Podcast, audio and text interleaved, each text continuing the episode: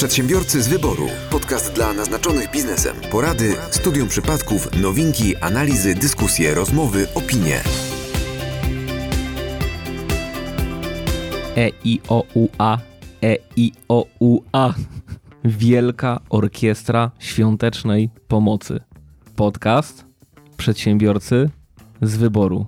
Dziś odcinek specjalny, nadzwyczajny i trochę inaczej niż do tej pory. Zacznę od pytania do naszego gościa, który nawet się jeszcze nie przedstawił, ale to nie jest ważne, bo wszystko co najważniejsze zostało powiedziane. Pytanie, czy dobrze? Bo naszym gościem jest, Karolina Spałek, która jednocześnie jest logopedą. i powie teraz, czy to prawda, że ja seplenię? Troszkę. Dokładnie. I to właśnie chciałem usłyszeć, bo i, i słyszałem to od wielu specjalistów już, e, a dzisiaj program specjalny, bo tak jak powiedziałem na samym początku, sepleniąc czy nie, to nie ma większego znaczenia, bo mamy wielką orkiestrę świątecznej pomocy i mamy osobę o wielkim sercu, no, specjalistę od wymowy. Tak, dobrze powiedziałem? Specjalistę od wymowy? Można tak powiedzieć? Dokładnie tak. Aha, rewelacja. E, Wielka Orkiestra Świątecznej Pomocy, X, podcast przedsiębiorców z wyboru, tak jak to się modnie teraz mówi, czyli współpraca, kolaboracja i tak dalej, i tak dalej. Kolaboracja to bardzo brzydkie słowo. No właśnie, racja, faktycznie kolabo. Ale, ale, ale, ale wiesz, Amerykanie mówią kolabo, nie, albo kolab, więc ja Chciałeś być trendy, ci chciałem nie być wyszło. trendy i mi nie wyszło. Odcinek numer 102, w którym w którym bez zmiany są z nami Michał Kucharski. Mateusz Majk, Piotr Łysko i Raz jeszcze jeszcze. raz Karolina Spałek. rewelacja. Ma, masz dla nas jakiegoś newsa? Hmm, to się okaże. Okej, dobra. To się za... ciekawie się zaczyna. Pytanie. Kto z was startuje? może Michał? Z, z, z newsami, ty, ty już chciałeś do newsów przejść, No tak? pewnie, że tak. Jejku, myślałem, że jeszcze coś e, będziesz ten, tak, tak nagle z, z nienacka to zrobiłeś, nie? To jest, e, ja, ja tu czekałem ciągle na jakieś jeszcze grube Nie, bo chciałem, no bo, no bo przejścia. Ja mam jeszcze niespodziankę na... Wszystkie niespodzianki, które mam przygotowane są na drugą część e, naszego programu. Na przykład mam w kieszeni kamienie. Będziemy sobie wkładać je do ust i wypowiadać różne rzeczy. To zły pomysł. Słyszałem o korkach. A kluski? Też zły pomysł. Kluski? Też nie. Kluski, korki, kamienie. To co można włożyć do buzi, jak nic nie można? Nic się nie wkłada do buzi. A widzisz. Musimy wrócić do naszego programu z Martą Niedźwiecką. Który to był odcinek? Nie wiem, ale to jest ciekawe pytanie. No można jej zadać dokładnie to samo pytanie, co logopedzie, a odpowiedzi będą inne. To na pewno. To jak Michał, ty skrolujesz, to ja na szybko tylko wam przypomnę, bo na pewno wyłapaliście kilka miesięcy temu, jak Elon Musk, e, Musk został prześladowany przez już letniego, chociaż chyba w Stanach Zjednoczonych to jest cały czas niepełnoletniego, bo tam jest 21 lat, dobrze Ale pamiętam? żeby pić alkohol w pełnoletności jest 18 chyba. 19, tak. 19. No, Tam, znaczy ta, ta osoba miała 19 obojętnie ile ma lat, alkoholu jeszcze pić nie, mo- nie może, ale śledzi Elona Muska. Śledzi Elona Muska, e, jak słyszeliście na, pe- na pewno, a dokładnie śledzi, gdzie jego luksusowy odrzutowiec się znajduje. No i Elon Musk bardzo był zaniepokojony tą sytuacją, no i stwierdził na początku, że się zwróci do e, osoby, która na twi, e, twicie, e, Twitterze, e, tweetami właśnie go śledziła. Nawet chyba zaoferował w pewnym momencie 50 tysięcy. E, Tak, z tego co pamiętam, on chciał mu zapłacić, żeby Zapłacić. go nie śledził. tak, tak, nawet auto chyba docelowo chciał Nie, mu nie, nie, nie, przekazać. nie. Tam było to właśnie, że zaproponował mu nie 50, chyba 5 tysięcy, A on zaproponował. e, a on powiedział, no okej, nie będę wyrzucał lotów twojego prywatnego odrzutowca pod warunkiem, że, Że? dostanę Tesla Roadster. I nie dostał. Mm, No nie. No nie dostał, ale dlaczego nawiązuję do tego dziewiętnastolatka? Ponieważ e, no, tam troszeczkę to było prześladowanie, nękanie, jakkolwiek to nazwiemy. Piotr na pewno by to prawniczym językiem najlepiej ujął, natomiast W zależności, która strona by mu zapłaciła lepiej. na pewno, ale ten młody Amerykanin, Człowiek. tak, stwierdził, że może warto kogoś innego prześladować. I kogo teraz prześladuje? Ja wiem. Znaczy ja też wiem. Rosyjskich oligarchów. Więc y, nawiązując do obecnej sytuacji, chcąc nie chcąc, bo wyleciał ostatnio odcinek 101, który był bardzo opóźniony. E, stąd jeszcze było mocno humorystycznie, natomiast wiemy dobrze, co się dzieje i e, no właśnie, możemy śledzić, gdzie ci oli, oligarchowie uciekli swoimi samolotami i czy uciekli. Także wydaje mi się, że tutaj bardziej ta jego działalność w tym przypadku może być e, ważna. Nie tylko dla Amerykanów, nie tylko dla fanów Elona Muska, ale również dla świata. Notabene yy, warto przypomnieć w tym odcinku. Nie wiem jeszcze, czy to się stanie. Mam nadzieję, że się stanie, ale chcielibyśmy yy, wypuścić odcinek, który będzie poświęcony naszym przedsiębiorcom i tym, jak aktualna sytuacja na świecie wpływa na nich, na nas, na zwykłych przedsiębiorców w Polsce. Nie? Czyli ten taki efekt domina.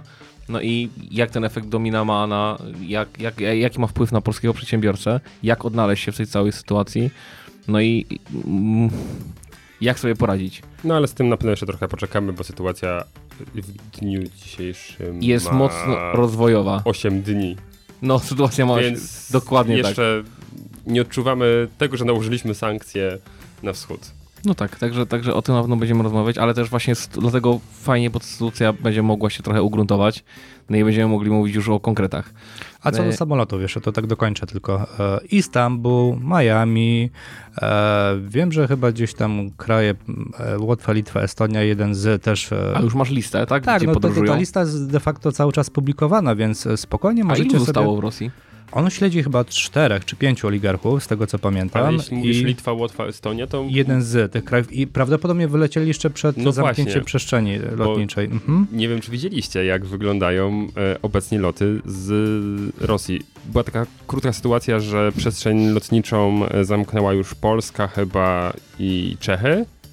I na przykład samolot z Petersburga y, chyba do Budapesztu, no wiadomo, że przez Ukrainę nie poleci, więc leciał sobie przez e, Szwecję, Niemcy takim dużym kółkiem. Takie a najbardziej absurda, absurdalne Tak. y, trasy to jest Serbia też, która ma otwartą przestrzeń, no i żeby do Serbii dolecieć z Rosji trzeba Takie kółeczko. kółeczko zrobić, nie? No, Natomiast- Albo na przykład Rosja i obwód kaliningradzki, nie? który...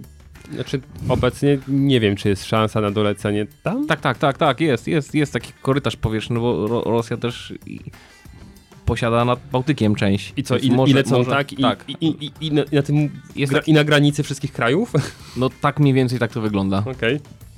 No, natomiast jeśli sami chcecie śledzić, no to możecie właśnie wejść na Twittera e, Russian Oligarchy Jets. Tak się nazywa e, profil. Możecie śledzić na bieżąco, co się dzieje z tymi samolotami.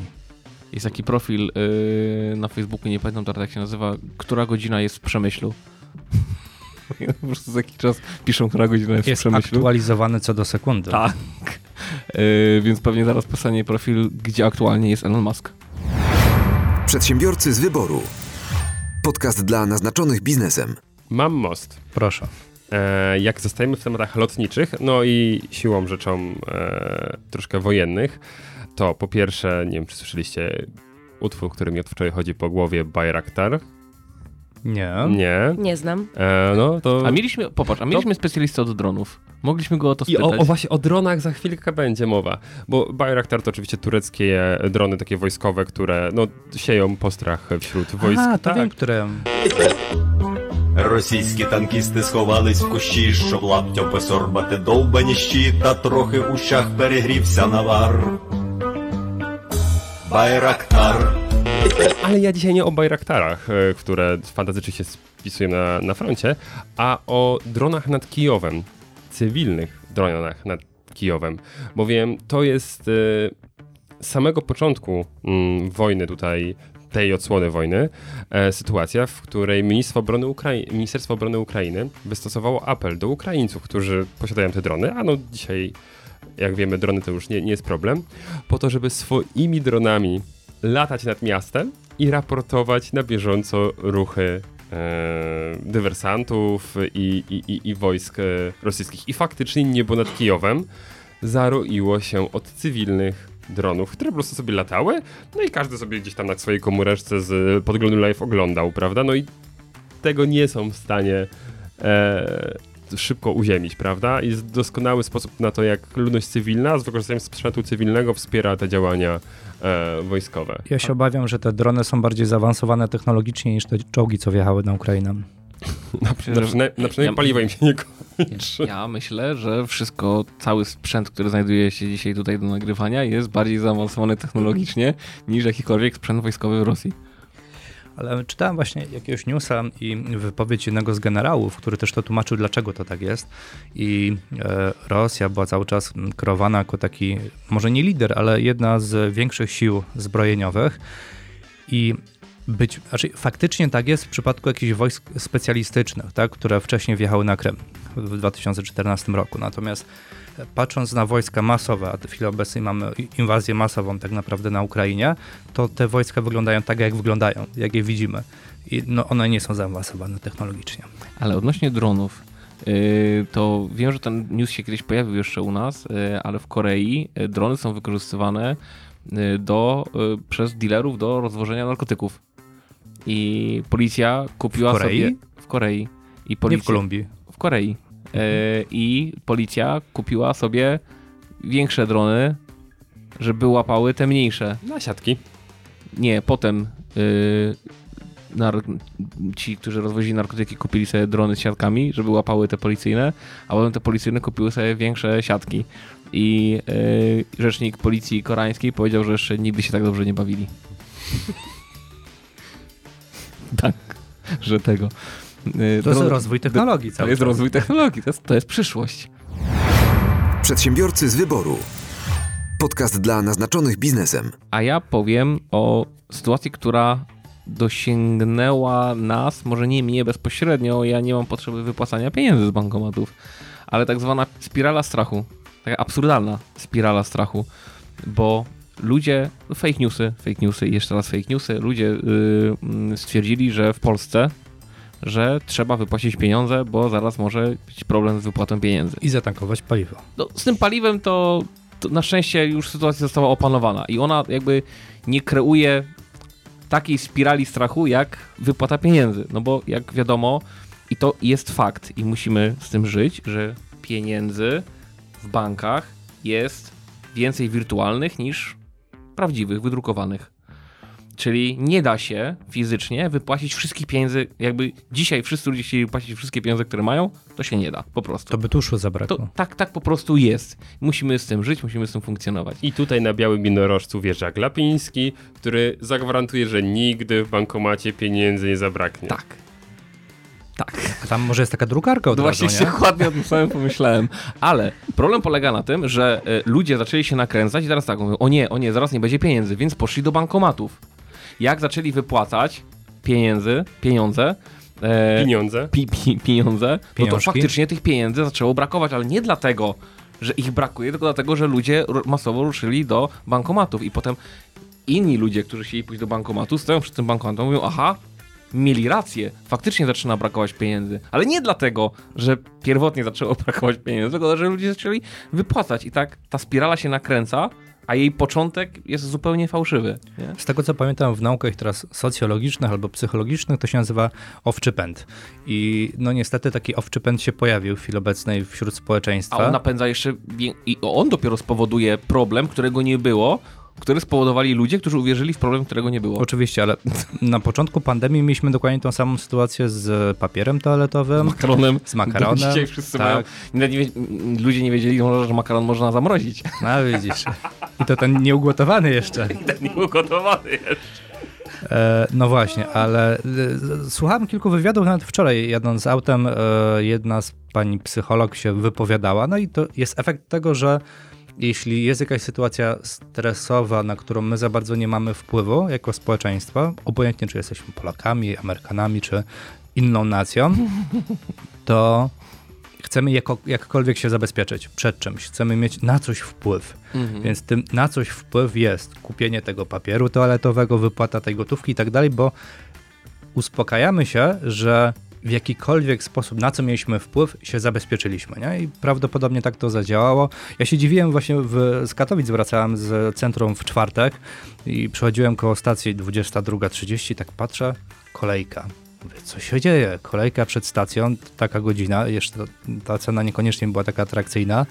E, Dzień później wyjeżdżam z domu, patrzę, a tutaj już są takie trzy kreseczki przy e, paliwie e, 95, bo już go po prostu tam nie było na tej stacji. No i przeczytałem, co się faktycznie działo na Orlenie. Nie, Mateusz, źle to przeczytać. Jak są trzy kreseczki No. przy 9.5, to znaczy, że benzyna 9.5 ma najlepszy zasięg. A, O, rakietowy. pojedziesz. Rakietowy. No, no. I tak jeszcze co, co do benzyny, m- może nie ciekawostka, ale y, słuchałem naszego odcinka, gdzie też mówiłem o cenie 5, chyba 35, to było dwa tygodnie temu. Olek opowiadał o tym, jak e, nagrał klip, e, gdzie mówił o cenie 6,20. No i dzisiaj jest cena 6,20 na Orlenie. Nie. Właśnie dzisiaj rano kumpel jechał drogą i mi pisze, e, na Orlenie diesel już 6,50, a zimowy 6,70. A ja mówię o benzynie, w sensie nie o dieslu. No, no to 6,20 diesel, e, benzyna do dziękuję. diesel. No. 6,70 za zimowego diesla. Zwykły, 6,50. What the fuck? Plus 15%, pamiętajmy jeszcze. tak, a jeszcze z obniżonym VAT-em. No, będzie masakra, Ale, będzie no, to, Saigon. ale to, to jest to, co to jest najłatwiej efekt nam... domino, o którym Łysy też wspomniał. Tak, tak, tak. Przedsiębiorcy z wyboru. Podcast dla naznaczonych biznesem. To co, zostajemy przy tematach paliwowych? Bo mam newsa Pa- o paliwach o kopalnianych. paliwach. Ja pamiętaj, że jestem adwokatem, który zajmuje się sprawami karnymi i y, jak pytasz mnie, czy zostajemy przy tematach paliwowych, to ja mam tylko złe skojarzenia.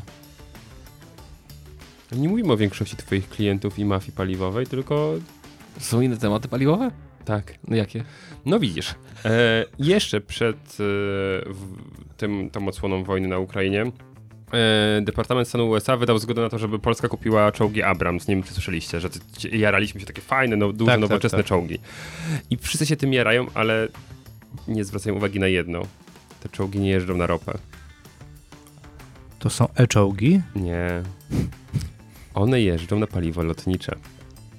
I jest problem, bo nasza logistyka dostaw dla wojska nie jest przystosowana pod to, żeby dostarczać paliwo lotnicze do czołgów. Ale Michał, e, oni z Rosji będą kupować to paliwo lotnicze. Po co im paliwo lotnicze? Wiesz, wiesz, czym mi się to skojarzyło? Skojarzyło mi się to z takim turystą, który jedzie do Wielkiej Brytanii bez tej takiej wtyczki. Wiesz, Tak, tak. Wiesz, Ale- przejściówki. ale- I tak mamy bardzo dużo sprzętu, ale nie, nie ma jak No naładować. nie wchodzi. Ale- nie wchodzi. Ale właśnie to jest coś, co właśnie wskazują eksperci, że super, że będziemy mieli czołgi bardzo nowoczesne i tak dalej, ale no, musimy po nie zbudować od nowa cały łańcuch dostaw i też sprzętu, tak, do tego, żeby, żeby je tankować, bo cała, całe wojsko polskie działa na ropę. A to tutaj wchodzimy w tematy znowu kompetencji i braku kompetencji. Nie? I wczoraj zresztą też na ten temat z małżonką ro- rozmawiałem, gdzie mm, sytuacja Gruzji, z tego co pamiętam, pamiętacie w którym roku był konflikt w, w Gruzji? 2008? Możliwe, no. Czekaj, zróbmy teraz magię podcastu, Romku wytnij to, za chwilę błysnę wiedzą. A few moments later. Tak, wojna w Osetii Południowej 2008, no. No, czyli Łysy miałeś rację. I w 2008 roku bardzo często jest to cytowane, jak e, obecny wtedy, na tamten czas nasz prezydent Lech Kaczyński wskazywał, że no, Putin się nie zatrzyma na Gruzji, tak? I się będą działy kolejne konflikty, kolejne państwa, w tym też i może być naszym. I wczoraj chyba e, w wypowiedzi prezydenta obecnego, naszego, padły takie słowa, że musimy się zacząć dozbrajać, musimy się zabezpieczać na wypadek tego typu konfliktów. I tak oczywiście to jest normalna rzecz, że zauważyłem tak brak konsekwencji, no bo jeśli w 2008 ktoś taki jak prezydent Polski o tym mówi, e, później mm, e, mamy takiego ministra na przykład jak Macierewicza i innych tego typu ministrów e, wojsk e, i, ogólnie obrony naszej, to jak my mamy się dozbrajać i jak my mamy się profesjonalizować, nie? To tak troszeczkę właśnie dla mnie było dziwne. I wydaje mi się, że jeśli nie zmienimy toku myślenia, i pytanie, czy ten konflikt zmieni tok myślenia nie tylko w Europie, ale również w Polsce, to czy to coś zmieni? Ja z odpowiedzią na to pytanie, albo na, ten temat, bo to bardziej nie odpowiedź, ale temat do dyskusji, e, wstrzymam się do jednego z następnych odcinków, bo w związku z e, tym, co się dzieje mm, na Ukrainie, prawda, chodzi mi po głowie odcinek, że moglibyśmy zaprosić do studia eksperta i wtedy zrobimy cały odcinek poświęcony wszystkim, co się tam dzieje, zarówno od tej strony wojskowej, bo gdzieś tam ona jest ciekawa, tak, Y, ale, ale też od tej strony może troszkę gospodarczej i sankcyjnej i tak dalej. Pewnie, tylko nawet mi chodziło bardziej o ten brak konsekwencji po prostu. Nie? Mamy Ale to- 2008 rok, gdzie było to mówione, mogliśmy coś działać w tym temacie, ale w zasadzie nic nie działaliśmy. Nie? To był taki efekt, taki zryw na moment, że coś się stało, po czym no wracamy do codzienności i dalej udajemy, że jest okej. Nie wiem, mam, mam ochotę ci teraz puścić Macierewicza, który zapowiadał, że za pół roku będziemy mieli pierwsze Black Hawki, potem w ciągu pół roku następne ileś i tak dalej. I żeby było jasne, żadna z tych obietnic nie została dotrzymana. No, i- Ja chciałam tylko powiedzieć, że zamiast tego mieliśmy Misiewicza i to też było fajne. prawda? I mieliśmy konfetti z, e, Samo- z, z helikopterów. e, policyjnych, prawda? Mieliśmy też policjantów, którzy je cieli. Tak, tak. No. Wiele ciętych ri- ripost mi się kojarzy, ale chyba żadnej nie powiem. Co do cięcia. Cięcie. Przedsiębiorcy z wyboru. Podcast dla naznaczonych biznesem. Ej, dobra, e, może ktoś z was ma jakiś optymistyczny news, bo e, no wiadomo, może nam się przydać w tych niewesołych czasach. najlepiej, a najlepiej jakiś taki optymistyczny news, który na przykład by jakoś korespondował z naszym gościem. Ja Karolina, może ja ty mam, masz? Ja mam, O, o, jak miło! ja To mam, niespodzianka. Wiecie, że mm, neurobiolodzy dowodzą, że najlepiej uczymy się wtedy, kiedy jesteśmy szczęśliwi. I wtedy, kiedy jesteśmy zadowoleni, przyswajamy największą ilość wiedzy. W przeciwieństwie do osób, które są zestresowane, e, wystraszone, zblokowane, nie mogą przyjmować nowych informacji. W związku z tym też nie potrafią się efektywnie uczyć. Czyli e, popieramy zmiany w oświacie, żeby nauka była na wesoło. Ja w ogóle jestem mm, zwolenniczką takiego podejścia, w którym nauczanie mm, nie tylko dzieci, ale też nas dorosłych przebiegało w formie miłej, przyjemnej atmosferze, takiej, która będzie sprzyjała chłonięciu nowych informacji i wiadomości. Jak nasz podcast. Ale to też, dokładnie, ale to też pokazuje, że warto studiować to, co się naprawdę lubi. Tak, dokładnie. I zawsze się o tym, zawsze się o tym mówiło. Szczególnie to prawo jest takim kierunkiem. Widziałem bardzo dużo osób, y, tak samo na medycynie, jak i na prawie, które no, nie, nie czuły tego, nie chciały, studiowały, bo, bo z różnych względów. Ale faktycznie y, one kończyły studia, a nie naprawdę studiowały. Mhm. Nie? I, to jest, I to jest różnica, faktycznie. Ale nie wiedziałem, że to ma swoje neurobiologiczne uzasadnienie. Ja mam takie pytanie odnośnie właśnie tego twojego newsa, Karolina. Czy to dotyczy endorfin też, czy nie? Mm, nie wiem dokładnie, musiałabym sięgnąć do Okej. tych badań konkretnie, ale tak w ogóle z doświadczenia mm, mogę zauważyć, że w momencie, kiedy mówię czy dzieciom, czy dorosłym, mówię ok, możesz wyluzować, nie jesteś teraz w szkole, nie jesteś oceniany, po prostu pracujemy na efekty, nagle się okazuje, że ten cały stres, emocje puszczają i w chwili, kiedy nawiązujemy fajne partnerskie relacje, osiągamy sukcesy. Super. To od razu mi się kojarzy Dominika Hoffman i mam nadzieję, że też e, kiedyś będziemy ją gościć u nas w odcinku, e, która uruchamia szkołę, zupełnie inną szkołę niż te takie tradycyjne szkoły, prywatną szkołę, gdzie no właśnie będą uczyć w sposób niestresujący, na pewno z dużą dawką pozytywnej energii i z fajnymi tutorami. Także wydaje mi się, że warto ten temat niebawem poruszyć też w którymś z odcinków. Tak, na pewno między setnym a dwusetnym odcinkiem znajdziecie odcinek z Dominiką. E, tak, to na 100%. To, to, to możemy obiecać. O ile Dominika się zgodzi. O ile się zgodzi. Zgodzi się. A jak nie, no to Piotr jej tam wyśle odpowiednie pismo, żeby się zgodziła. Wezwanie. Wezwanie, wezwanie do zgody. Eee, Most, most. To rozumiem, że przesłanie twojego newsa było takie, że jak jesteśmy szczęśliwi, to się lepiej uczymy. Dokładnie tak. No to w Polsce się rozumiem nie uczymy za dobrze, biorąc pod uwagę to, jak ciągle narzekamy, wszystko jest złe, niedobre. Jesteśmy oceniani cały czas. Tak, to, to rozumiem, że u nas... Mhm. No cóż, generalnie spójrzmy na to jeszcze z innej strony. Jeżeli dobrze się bawimy, to uczymy się szybciej. I myślę, że to Ale, jest. ale w szkole Dalej? nie można alkoholu pić. No, czy alkohol zawsze jest związany z dobrą zabawą? e, nie potrzebuję dobrze się bawić, żeby się napić. E, Okej. Czy jakoś tak. Nie, nie, nie. My, my, my tutaj mocno y, bawimy się stereotypami, więc, y, więc tak. Tak, to był tylko stereotyp. Więc kocham alkohol. E, natomiast no nie, no, nie wiem jak to powiedzieć, ale No, w Polsce nigdy nie będziemy się dobrze uczyć. Myślisz? No, e, ale popatrz, po pierwsze, nie uczymy się na błędach, dlatego, że jesteśmy nieszczęśliwi. Ale wszystko się, wszystko się łączy w jedną całość. A jesteśmy nieszczęśliwi, bo nie uczymy się na błędach. Czyli my, my powinniśmy się Czyli nauczyć wszystko najpierw... przez Polski Ład? Historii się powinniśmy nauczyć. Tak, ale to pytanie mądrzy, mądrzy, mądrzy teraz pytają jakiej? O, już jest tyle wersji różnych historii, że też ciężko, ciężko którąś Historię uwierzyć. Wiesz, może jakaś fajna, optymistyczna historia. Spójrzmy. Mm. Nasze powstania narodowe. W większości nieudane. Mm. Zależy jak na to spojrzymy. Nie? Ale Zrywy są. nie mamy, nie mamy, nie ma też, zobaczcie chociaż w naszym podcaście. My mamy więcej newsów smutnych niż yy, wesołych. No bo my jesteśmy jak współczesne media. No dobrze, ale to wszystko napędza. Katastrofa się ale to dobrze wszy- sprzedaje. No tak, tylko ale to wszystko napędza ten taki ogólny smutek. No i jak w tym ogólnym smutku się uczyć? My nie mamy endorfin. Przecież jakby mikrobiolodzy, którzy prowadzili te badania, przyjechali do Polski, to, to ja bym nie chciał tych badań przeczytać. To ja może jeszcze... Ale patrzcie, No? Właśnie mi się skojarzyła jedna rzecz. Nasze uniwersytety są bardzo nisko w rankingach ogólnoświatowych. Mimo, że teoretycznie są super ekstra, to w rankingach światowych nie wypadają najlepiej. Czy Przypadek. przypadek? Przedsiębiorcy z wyboru. Podcast dla naznaczonych biznesem. To ja, żeby była równowaga, e, wrzucę... Os- smutnego. Nie, wrzucę ostatni... Chyba wesoły, znaczy wesoły. Ciężko mi ocenić, czy on jest wesoły. Jest obiecujący, wydaje mi się, bardziej ten news i będzie on bardzo krótki i będzie z pogranicza sportu, biznesu i obecnej sytuacji. Czy ten news będzie krótszy niż wstęp, który do, nie, który do niego zrobiłeś? Tak. em, Roman Abramowicz sprzedaje Chelsea.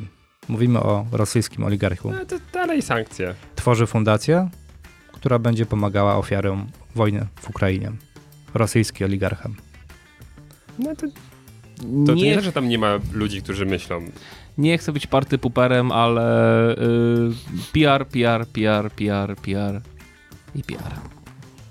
Rezerwa wizerunkowa, W przeciwieństwie, w przeciwieństwie do naszego gościa. który nie jest party puperem. i który uczestniczy w takich akcjach nie PR-owo, za co dziękujemy, tylko po prostu z potrzeby i dobrego serca. I jeszcze raz chciałem bardzo serdecznie Ci podziękować za to, że wylistowałaś e, nasz e, podcast i udział w naszym podcaście. E, Absolutnie nie musiałaś tego robić.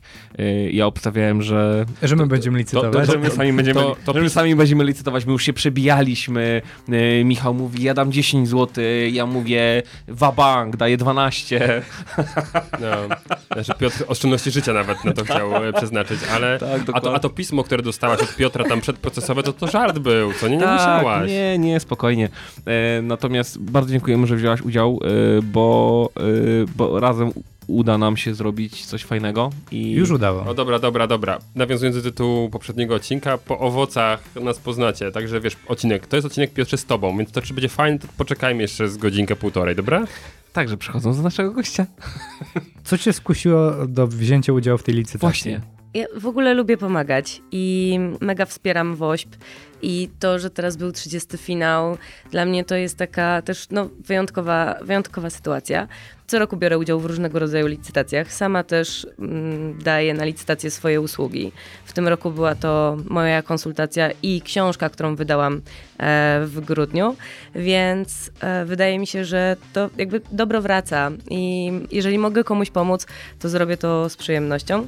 Poprzednich latach korzystałam z aukcji e, też takich właśnie firm usługowych. E, Wylicytowałam na przykład audyt social mediów, czy audyt strony internetowej, dzięki czemu jakby i mogę pomóc, i mogę też wesprzeć e, no, swoją firmę. Mhm, super.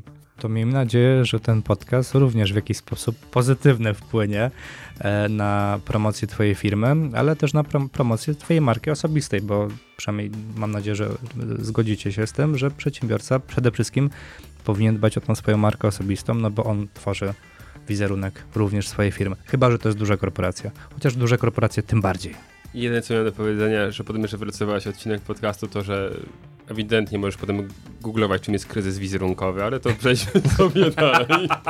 Ale znajdziesz odpowiedź na w jeden z naszych odcinków. E, Tak, tak. Pozdrawiamy Krystiana Dudkę. pozdrawiamy Krystiana Dudka. E, natomiast ja, mam- ja mam do Ciebie kilka pytań, bo trochę zburzyłaś mi ich porządek tym, co powiedziałaś. Jaką książkę wydałaś? Wydałam książkę taką, której uważam, że nie ma, nie było do tej pory na rynku, czyli coś, co pomaga mi pracować z dzieciakami, ale nie mnie bezpośrednio jako terapeucie, tylko wam, jeżeli jesteście rodzicami, forma ma, jest to, o jesteście, świetnie. Jest to format kieszonkowych ćwiczeń, które można wrzucić do plecaka, do torebki i w dowolnym momencie wyjąć i poćwiczyć z dzieckiem, korzystając z właśnie materiału obrazkowo-wyrazowego i to nie jest takie nudne powtórz, powtórz, bo tak często jest kojarzone logopedale. Chodzi o zabawę, o łamigłówki, o to, żeby było, było super. Obrazkowego, Michał, a tak nawiązuje do jednego z naszych odcinków. Ty jesteś na tym etapie, także Tak. pytanie, czy ta książka nie Je- będzie dobra. Tak, tak. Tylko, że... Twoja córka jeszcze nie mówi. Ale, Ale jak nie mówi? Ale nawet Michał to zrozumie, to jest najlepsze. Gada jak najęta. O czym rozmawiacie? Mm, Aktualnie e, tata usiadł tu. Hong Kong, Mekong, King Kong, No proszę, małpka, małpka i po, jabłka. poliglota. Dziabka. Jab, je, no raz jest jabłka, raz jest dziabka, ale chodzi, wiem, wiem o co chodzi. I wszystko. Nie, nie serw- serwujesz żabek, tylko jabłka. Nie, ale ma zabawki takie żabki. A, I jibka. Genialnie. Nie, y, ewidentnie musicie wpaść do mnie, bo córka was zagada. I będzie wam mówiła, co macie robić, żeby ona się dobrze bawiła. Czyli generalnie Piotrze bardzo podobnie jak twoje Tak. spędzanie wolnego czasu. Yy, słuchajcie, to ja mam kolejne pytania. Nie wiem, czy pamiętasz, czy ja mam takie przebłyski. Yy, nie wiem, czy, czy, czy, czy pamiętacie w ogóle z dzieciństwa, ale wydaje mi się, że prowadził to Zbigniew Zborowski. Myślałem, że powiesz Wodecki. Takie ćwiczenia y, z wymowy, że na przykład się dawało y, miód na język, to było na jedynce, nie? Tak, Był tak. miód na Kojarzę. język się dawało i były takie ćwiczenia, jak, jak, jak, jak wypowiadać jakieś literki i tak dalej, i tak dalej. I ja pamiętam, ja pamiętam to z takiego, no to był początek lat 90. Ćwiczyłeś. No ćwiczyłem i to było takie fajne. Pytanie, po pierwsze szło to w telewizji i pytanie, czy tak wygląda praca logopedy i y, pierwsze pytanie, a drugie, bo mnie osobiście logopeda kojarzy się z dziećmi. Nie wiem, czy wam też, ale dorośli też chodzą do logopedy? Tak, zdecydowanie. I odpowiem najpierw na Twoje drugie pytanie.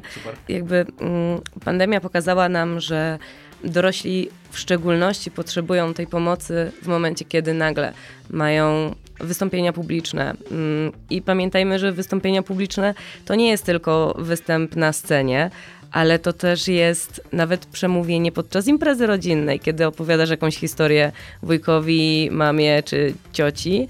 Chcesz, żeby twoja historia została dobrze kupiona, więc do tego też potrzebujesz konkretnych narzędzi, które możesz uzyskać właśnie u logopedów. Ale rzeczywiście przekonanie i też jakby ilość klientów, którzy do nas trafiają, to są jednak w większości dzieci, mm, z którymi trzeba popracować nad wadami wymowy, czy nad tym, żeby ich artykulacja była lepsza. A wracając jeszcze do Zborowskiego, który wykonywał ćwiczenia, które ty powtarzałeś, wiecie, logopedia to jest taka branża, która bardzo dynamicznie się zmienia i wydaje mi się, że przekonanie u ludzi jest takie, że okej, logopeda jest traktowany jak nauczyciel. A to nie do końca tak jest, bo więcej mam wspólnego z medycyną na ten moment, więcej mam wspólnego z ortodoncją, więcej mam wspólnego właśnie przy współpracy z laryngologiem e, czy z alergologiem, aby wypracować pewnego rodzaju funkcje, niż e, z takim typowym powtórz, powtórz. Bliżej mi do takich czynności, które wykonuje fizjoterapeuta w swoim gabinecie, bo opieram swoją pracę też na masażach i na stymulacji, niż na takiej nudnej pracy z lusterkiem. Laryngolog to chyba między innymi podcinanie wędzidełka, dobrze pamiętam? Tak, albo zajmuje się mm, przerośniętym trzecim migdałem. Jeżeli miałeś na przykład tak u swojego dziecka, to jest też taka dosyć typowa, taka typowa, no, ty- typowe zjawisko u dzieci. Mhm. Ja bym miał usuwane. Nawet dwa razy. No właśnie. Michał miał tylko przerośniętego trzeciego Michała, nie migdała. Yy, natomiast yy, pytanie... Przepraszam, musiałem. Ilo, Y- ilość ripost, które mam do tego. E, Ja wiem, ale Odnośnie przerośniętego. Tak, Michała. Ym, nie wiem, czy to jest legenda, ale Caligula miał problem yy, z... że miał, Wydaje mi się pod kątem historycznym wiele problemów. ale skupmy się na razie na, na wypowiedzi i wkładał sobie kamienie do ust. Skąd ta historia? Faktycznie były jakieś takie ćwiczenia? Czemu to ma służyć? W ogóle pierwszy raz słyszę y, historię z kamieniami, natomiast y, wiem, że szkoła aktorska wielokrotnie zaleca y, ćwiczenia dykcji poprzez wkładanie korka po winie między przednie zęby. Jakby aktualne badania pokazują, że powinno się od tego typu praktyk odchodzić, ponieważ strasznie obciąża to staw brzuchwowo-skroniowy i może naprawdę więcej popsuć niż naprawić. I jakby tego typu ćwiczenia nie są zalecane. Ale na pewno kojarzycie taki film e, Jak zostać królem? Tak jest. Tak, I to było moje tak. kolejne pytanie. A, trochę wyprzedziłam. A czy ta historia jest prawdziwa? Tak, to jest prawdziwa historia. Pod kątem logopedycznym oczywiście, Tak. bo historycznie tak. To jest prawdziwa historia i być może sami macie w, wśród swoich znajomych osoby, które mają wiele do powiedzenia. Być może macie wśród swoich znajomych, którzy mają ogromną wiedzę, ale nie potrafią jej po prostu sprzedać, bo są tak e, zalęknieni, zamknięci w sobie, nie mają narzędzi do tego, żeby, żeby to przekazać. To jest logopedia? Tak. Emisja jest- głosu, jak pracować nad dykcją, w jaki sposób popracować nad pozycją ciała w chwili, kiedy mówisz. To jest wszystko powiązane. Jak oddychasz, jak oddychasz, kiedy śpisz, gdzie w tym momencie teraz konkretnie znajduje się twój język, czy on jest na podniebieniu, czy może nie. To jest wszystko związane z tym, czym ja się zajmuję. Jest, Ja do, do tej pory, może ja jestem ograniczony, ale do, do tej pory dla mnie logopedia kojarzyła się z seplenieniem i jąkaniem. No to jesteśmy trochę szerzej. No, Nie, widzisz, ale to, ale jest, to, to jest niesamowite. To, żadne zaskoczenie, że jesteś No. ograniczony, także przejdźmy sobie ten dalej. Ale a mogłabyś trochę więcej opowiedzieć o tym, bo y, jakby do, dopiero te moje horyzonty logopedyczne się rozszerzają teraz. No i teraz, bo y, mówiłaś, że y, wiele osób ma dużo do powiedzenia, ale nie potrafi tego powiedzieć. No bo jest... Dziękuję ci, Michał. Ja teraz wykonuję brzydkie ruchy. Y, Twoim, Wskazujące, w wskazujące. twoim kierunku. Wskazujące. Twoim kierunku. Natomiast na nie jest to problem psychologiczny, na przykład, że one są, nie wiem, introwertyczne, że y, po prostu, nie wiem, mm, no, boją się ludzi, a nie boją się mówić. No, nie wiem, mi się bardziej to z tym kojarzyło. Mogę podać przykład? Mogę podać Pewnie. konkret? No pewnie. E, Nawet z nazwami firm e, i nazwiskami. Case study, tak, rozmiar buta, wal od razu. Wyobraźcie sobie, taką mam historię. Przychodzi kobieta, mm, która mówi, że na co dzień pracuje z ludźmi, kieruje dużym zespołem i e, na każdym, na każdym wystąpieniu, które ma ze swoim zespołem, na każdym, mm, nie wiem, konferencji, nie wiem jak to nazwać, jej się wydaje, że oni postrzegają ją mm, jako małą dziewczynkę, która ma cienki głosik, gdzie ona nie potrafi złapać oddechu, ma zadyszkę podczas mówienia, nie potrafi odpowiednio modulować swoim głosem, tak żeby skupić ich uwagę. I jej wydaje się, że oni zamiast koncentrować się na tym, co ona do nich mówi, koncentrują się właśnie na tym, że ona wygląda na infantylną. I rzeczywiście z jednej strony może być to problem psychologiczny, jak najbardziej, natomiast z drugiej strony na pewno jesteśmy w stanie popracować nad tym, w jaki sposób ustawić jej krtań, w jaki sposób poprawić jej oddech, żeby ten głos był głębszy, żeby ona mogła większe wrażenie wywołać właśnie, czy wywrzeć na swoich słuchaczach. Mm, Zdecydowanie postawa ciała, czy ta postawa ciała jest zamknięta, czy ramiona się skulają do środka, czy siedzimy zgarbieni, też będzie miało wpływ na to, w jaki sposób ten oddech jest kierowany do, mm, do naszych, przez nasze struny głosowe aż do, aż do realizacji Czyli dźwięku. wtedy ona, można powiedzieć, ta, ta osoba mm, w sposób taki bardziej narzędziowy, e, dzięki temu, że lepiej się wysławia, lepiej się prezentuje, zwiększa pewność siebie. Zdecydowanie tak. Jeżeli ona jest w stanie popracować nad swoim ciałem, ale też rozluźnić poszczególne partie mięśni, to jakby to automatycznie przekłada się na to, w jaki sposób ona kieruje swój głos do, do odbiorców. Mhm. Powiedziałeś, że korek niekoniecznie, jeśli chodzi o ćwiczenia, bo sam nie ukrywam, e, czasami z tego ćwiczenia korzystałem. E, no to jeśli nie korek, jeśli to nie tajemnica, to co innego. Na pewno wszelkiego rodzaju ćwiczenia rozciągające. Ziewanie, uruchamianie języka, takie roz... Nie chcę użyć słowa rozśpiewywanie, bo jakby fakt, że śpiew jest przedłużeniem mowy, ale Wiele osób po prostu nie lubi śpiewać, więc nie będziemy ich do tego zmuszać, ale nawet to, co zrobiłeś na początku z tymi samogłoskami, właśnie przeciągnięcie fonacji, długie wypowiedzenie niektórych fraz, to na pewno przygotuje was do tego, żeby lepiej brzmieć, na przykład na tych podcastach. Czyli Piotr Łysko. Ty, ty Piotrze, za każdym razem ćwiczysz na samym początku. Yy, ja faktycznie yy, nie jest tajemnicą, że z racji wykonywanego, zawodu staram się mówić tak, żeby mnie zrozumiano i szczególnie wygłaszając mowy końcowe, ale uważam, że e, wielu adwokatom, w tym mnie pewnie, brakuje takiego wykształcenia pod tym kątem, bo y, faktycznie my skupiamy się na erystyce, czyli formie prowadzenia sporów, argumentacji, oczywiście bardzo ważne, ale modula- nie, nie, nie mamy zajęć z modulacji głosu na przykład, a, a byłyby bardzo przydatne. Masz wielu prawników wśród twoich klientów? Mam. Super. I następna twoja mowa końcowa zakończy się i mowę koń- końcową wygłaszał Piotr Łysko, dokładnie. Ale potem, tak, a cały ale, sąd tak, ale potem się rozglądam, gdzie są te fanfary, gdzie, gdzie, gdzie, gdzie jakieś konfetti, czy to nie ma? Nie ma. Ej, a ty tam klient w kajdankach, a ty... e. Tak, nie, nie, klient tak... E, tak. o matko. E, wróćmy na ziemię. Rozmarzył się. Piotr, sobie, Piotr, się, Piotr się rozmarzył, wyobrażając sobie to, jak krzyczy na sali sądowej, że Jeśli chodzi o formę biznesu, bo też się na tym zastanawialiśmy z Mateuszem, e, tak, tak, tak krótko e, wymieniliśmy kilka, kilka pomysłów. Jaką formę biznesu przyjęłaś? Aktualnie Mhm. Jak rozwi- nie wiem, w jakiej formie prowadzisz swój gabinet? Czy masz gabinet? Czy to są zajęcia stacjonarne z jednym klientem, z grupą klientów, czy, czy online? Wiesz, opowiedz o tej biznesowej stronie. zadałeś 30 pytań. Tak, wiem. To, to ja dopowiem jeszcze, bo To zadawaj się 35. Mało. Vinci, Tak.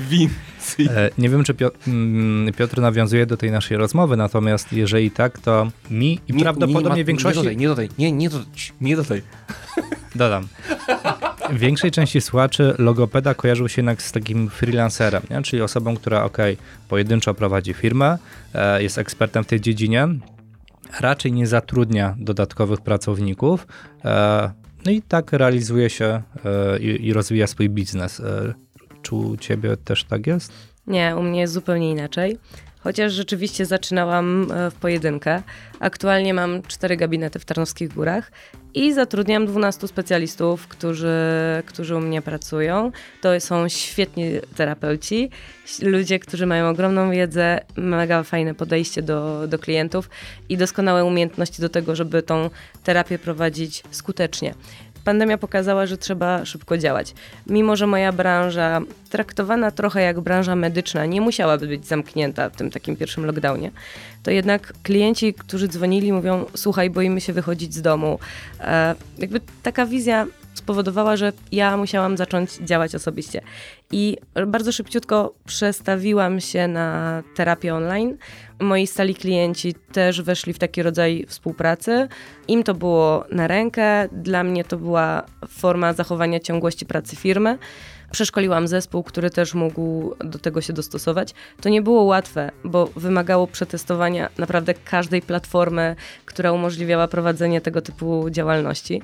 Musiałam posprawdzać licencje. Nie wiem, czy wiecie, ale nie wszystkie komunikatory są bezpłatne dla przedsiębiorców. I właśnie. Być może. Być może, ale chciałam, żeby to wszystko było e, legalne i zrobione tak, żeby było prawidłowo. Tak, ale to, to się uśmiechasz. Ja w ogóle uważam, że posiadanie dobrego księgowego i prawnika w firmie to jest w ogóle must have. Tak, i licencja na WinRara. Przypominam wszystkim. To jest, to jest takie must have dla poczucia bezpieczeństwa prowadzenia działalności. Ale to jest, tak, przepraszam, że ci przerwę w tym momencie, ale i trochę wbijam też kij we własne mrowisko, e, ale to jest patologia systemu.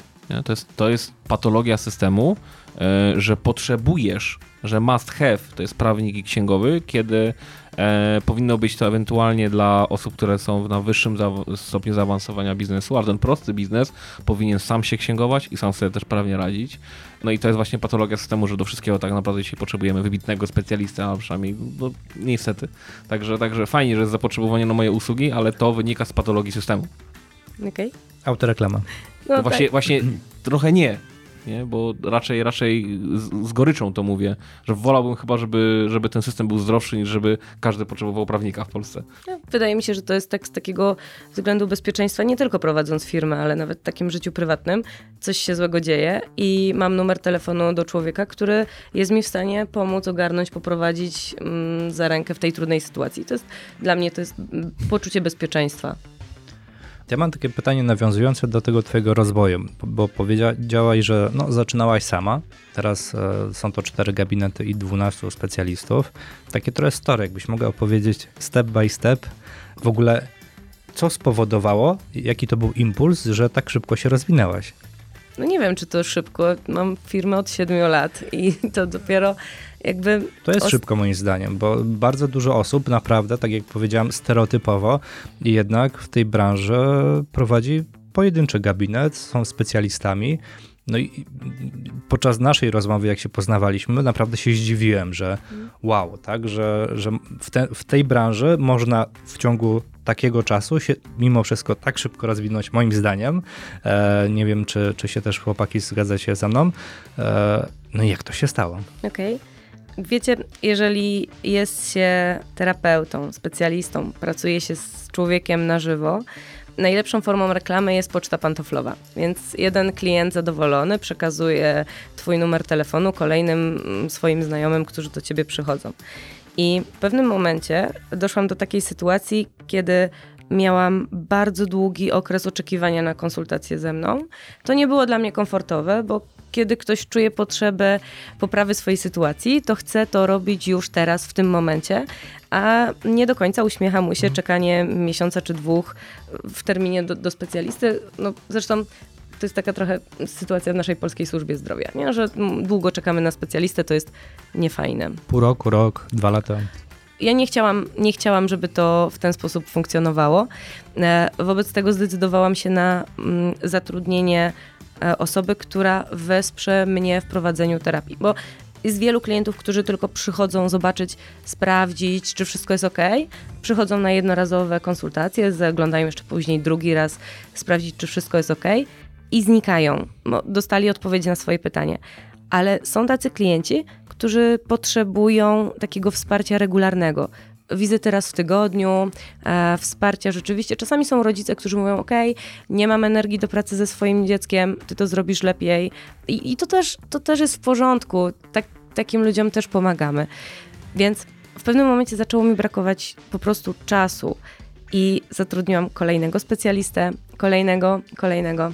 E, I tak to, tak to urosło. A nie bałaś się, bo to jest jakby taki stereotyp, jak e, pracuję też z przedsiębiorcami młodymi stażem, którzy działają nie, 2 lata, 5 lat i tak dalej, to pojawia się taki, takie przeświadczenie, że ja zrobię to najlepiej i boję się przekazywać swojego wizerunku, no bo jak już dotrudniamy tak naprawdę osobę do firmy, ta osoba reprezentuje mnie, reprezentuje to, co ja przez te lata e, rozwinęłam, no i no właśnie, czy u Ciebie było tak samo? W jaki sposób sobie z tym poradziłaś, jeśli, jeśli tak było?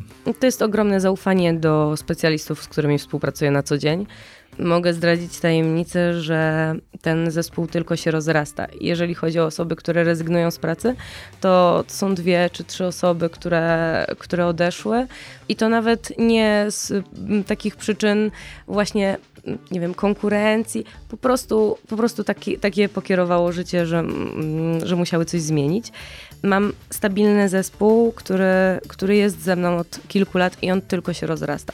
Więc mimo, że bazujemy na no właśnie, na personal brandzie i wszystko firmuję swoim nazwiskiem, to mam zaufanie do, do swoich ludzi, którzy robią to dobrze. Mhm, a to, to wchodząc nawet jeszcze bardziej w szczegóły, to takim sekretem jest dobra rekrutacja i weryfikacja, czy szukanie pocztą pantoflową sprawdzonych osób? E, na pewno ufam intuicji i tym relacjom, w które wchodzę z ludźmi. Jestem osobą bardzo relacyjną. Szybko nawiązuję relacje no, nie tylko z pracownikami, ale też z klientami. Mam też model, który bazuje na tym, że każdy klient przychodzi do mnie bezpośrednio na pierwsze spotkanie. I dzięki temu, że mam możliwość porozmawiania, nawiązania relacji i później takiego pokierowania, zostawiam informację, ok, choćby się cokolwiek działo, możesz do mnie zadzwonić, zawsze pomogę, mm, podpowiem, co możesz zrobić. I mm, dopiero wtedy, jeżeli jest zdecydowany na dalszą terapię, mówię, ok, u mnie za bardzo nie ma możliwości na taką długotrwałą współpracę.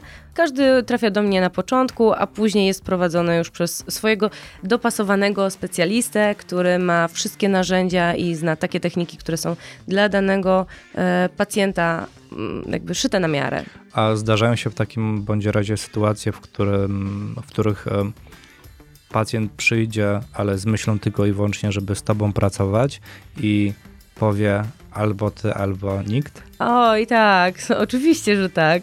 Mm, ale zawsze potrafimy drogą negocjacji znaleźć jakieś rozwiązanie. Super. To jest bardzo dobrze. Ja się chciałem zapytać, bo mówisz teraz 12 osób, tak, w zespole. Gdy u mnie firma urosła do powiedzmy te, też, też takiego składu menedżerskiego tej podobnej wielkości, no to już sobie zdałem sobie sprawę, że więcej tam jest już działania związanego nie z clue mojego biznesu, czyli robieniem eventów, a takiej działalności organizacyjnej. I jak to jest u ciebie? Czy też już dostrzegasz to, że musisz sporo pozna- na, na obsługę firmy tak naprawdę, tak? Na Zarządzać. Tak, zarządzanie, na obsługę harmonogramów, dogrywanie tych ludzi, to wszystko. I zostaje ci jeszcze ten czas na logopedię, czy jakoś inaczej to zarządzasz, czy, czy nie śpisz po nocach? Widzę we wzroku, że nie śpisz po nocach, dziękuję. jest, ja bym się podpiął to pytanie, bo ja miałem dokładnie to samo pytanie, bo ja mam ten sam problem. E, czy jesteś bardziej szefową, czy logopedą? Ha, Bo ja niestety, niestety z bólem serca przyznaję, że za mało jest u mnie pracy prawniczej, za której bardzo, którą bardzo tęsknię. Za bardzo tęsknię, a, a za dużo szefowania administracji. Przed e, przyjściem tutaj sprawdziłam swojego Excelka mm, i z niego wynika, że ostatnie trzy miesiące to było 150 godzin terapii i diagnoz, więc miesięcznie. Więc to jest jednak ciągle etat. Mm, I mam świadomość tego, że jestem logopedą na pełnym etacie, a jakby cała ta sprawa, cała ta kwestia związana właśnie z prowadzeniem firmy, ze spotkaniami biznesowymi, ona się dzieje jakby równolegle poza tym, po godzinach, często nocami, mm, więc to trudno jest bardzo odciąć jedno od drugiego. Boję się takiej sytuacji, że w chwili, kiedy przerzuciłabym się w 100% na zarządzanie, mm, straciłabym tą pasję, którą, którą mam w sobie. Jakby praca z ludźmi, kontakt z drugim człowiekiem to jest coś, co mnie napędza, daje mi tą energię do, do działania i do tworzenia nowych rzeczy. Czy rozumiem to całkowicie? Mm, w pewnym momencie przychodzi czas po prostu, że, że, że te też starałem, starałem się na przykład jeździć na, na wszystkie eventy kiedyś, tak, u mnie, ale na przykład po pewnym czasie stwierdziłem, że no, wybieram już eventy, na które jadę, bo po prostu no, no łatwo sobie policzyć, 150 godzin terapii plus te zarządzanie, a czasami fajnie jeszcze trochę odpocząć. Tak, tak. I no w pewnym momencie, nie, no tak człowiek musi sobie powiedzieć, a nie, nie, chyba jednak e, to może ta trzynasta osoba i ja mogę się zająć czym innym, ale część przedsiębiorców wybiera też inną drogę. Zatrudnia zarządcę. Że jeśli czujemy się z czymś dobrze, tak, na przykład jak ty z logopedią i nie chcesz tego tracić, no to zatrudniam osobę, która będzie trochę jak wirtualna asystentka, trochę jak taki menadżer do firmy no i masz te rzeczy i ogarnij, żeby to wszystko działało, a ja się zajmę tym, co robię najlepiej, czyli logopedią w tym momencie na przykład. Nie wiem, czy rozważałaś taką opcję? Dla mnie wszystko musi mieć podłoże w cyfrach e, i wszystko musi się zgadzać w Excelku. Czy, e, A, czyli muszę- zarządca jest w tobie. Ja muszę, muszę mieć, e, ale od niedawna dopiero. Na ten moment nie podejmuję żadnej decyzji, dopóki nie sprawdzę, e, jak, no jak to Co wygląda. na to mój Excelek? Co na to Excel, tak. I na początku to było straszne. I jeżeli słuchają nas przedsiębiorcy, którzy dopiero zaczynają, to zachęcam, zaprzyjaźnijcie się z Excelem, bo to otwiera, naprawdę otwiera oczy i pokazuje, gdzie uciekają pieniążki na przykład. Które się potem okazują, że to nie były pieniążki, a grube pieniądze. Mhm, tak, Mhm. dokładnie tak. No to właśnie. Y, To, to, to, to super. W ogóle takie skoncentrowane na, skoncentrowanie na liczbach i takie zarządzanie tymi, tymi liczbami, jakby to to, to nie wydaje mi się, że to nie funkcjonuje w takiej branży usługowej.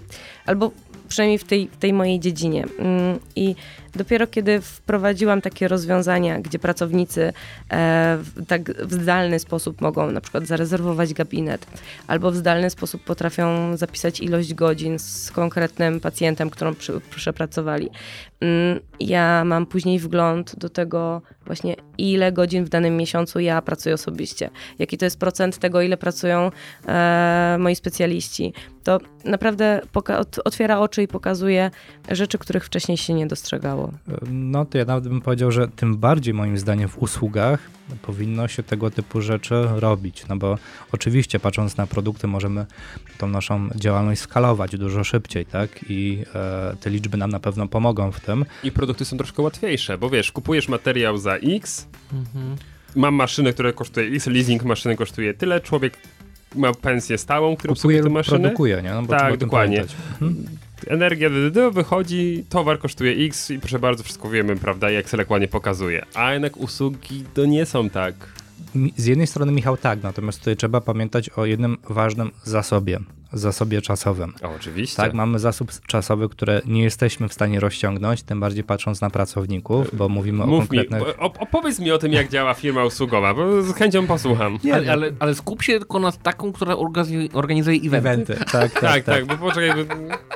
Więc, więc w przypadku, no właśnie tego, co, o czym powiedziałaś, czyli tej weryfikacji e, wielu elementów w firmie, no to jest kluczowe, tak? No bo będziesz wiedziała wtedy, patrząc na przykład na to, e, kiedy może warto e, zacząć rekrutację, tak? No bo się okazuje, że e, zbliżamy się do pewnego rodzaju granicy, której nie jesteśmy w stanie przekroczyć.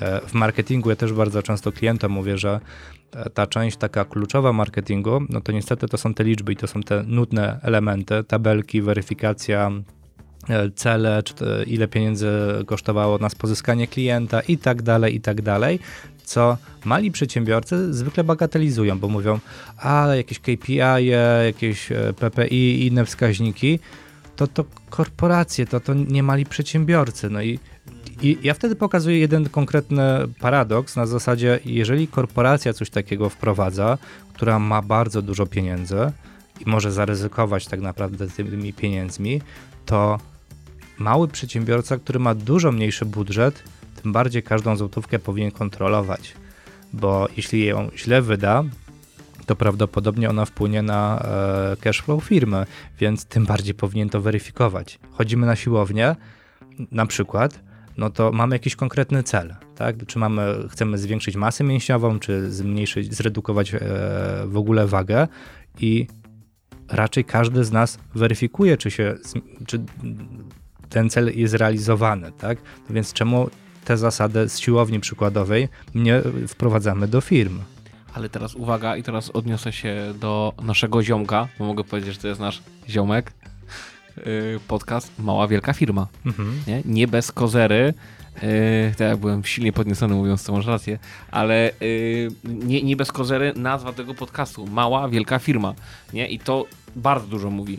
I yy, to faktycznie ludzie mylą dwie rzeczy. Mylą robienie z małej firmy korporacji, to nie, absolutnie tak nie jest i to nie działa, ale trzeba brać te wzorce, którymi, którymi kierują się te duże podmioty nie? i wprowadzać je na, na małą skalę do swojej firmy. ja pamiętam, że Michał był taką osobą. Ja to mam cały czas w, w tyle głowy, Michał, że ty zawsze się broniłeś, mówisz, a te korporacje i tak Ale dalej. Ja, ja tego będę bronił, Ja, Mateusz. z jednej strony tak, ale pamiętam, że po kilku latach, kilkunastu w zasadzie już, sami przyznałeś rację pod tym względem, że ty musiałeś wprowadzić pewnego rodzaju działania procesowe, bo nie byłeś w stanie dobrze prowadzić firmy. Ale Mateusz, ale- bo are, areszt, areszt na Mikołowskiej w Katowicach zmienia wszystkich. Mateusz, bo słowo klucz to jest skala. Mhm. I e, ja wiem, że z- z naszej już dzisiaj perspektywy bardzo fajnie mówić o tym, że trzeba wszystko liczyć, wpisywać do Excelka i tak dalej. Tylko, że ja myślę, że ciągle musimy pamiętać, jak to jest być startującym przedsiębiorcą i tym naprawdę takim, nawet nie małym, a mikroprzedsiębiorcą, który sam coś robisz i wszystko ogarniesz i tak dalej. I gdy startujesz, to powiem ci, no myślę, że fr- bardzo frustrujące są tabelki pod tytułem zero. Nawet I- bym chciał minus, a nie zero. A, albo minus, prawda? I ym, w- przez pierwsze miesiące czasami no nie.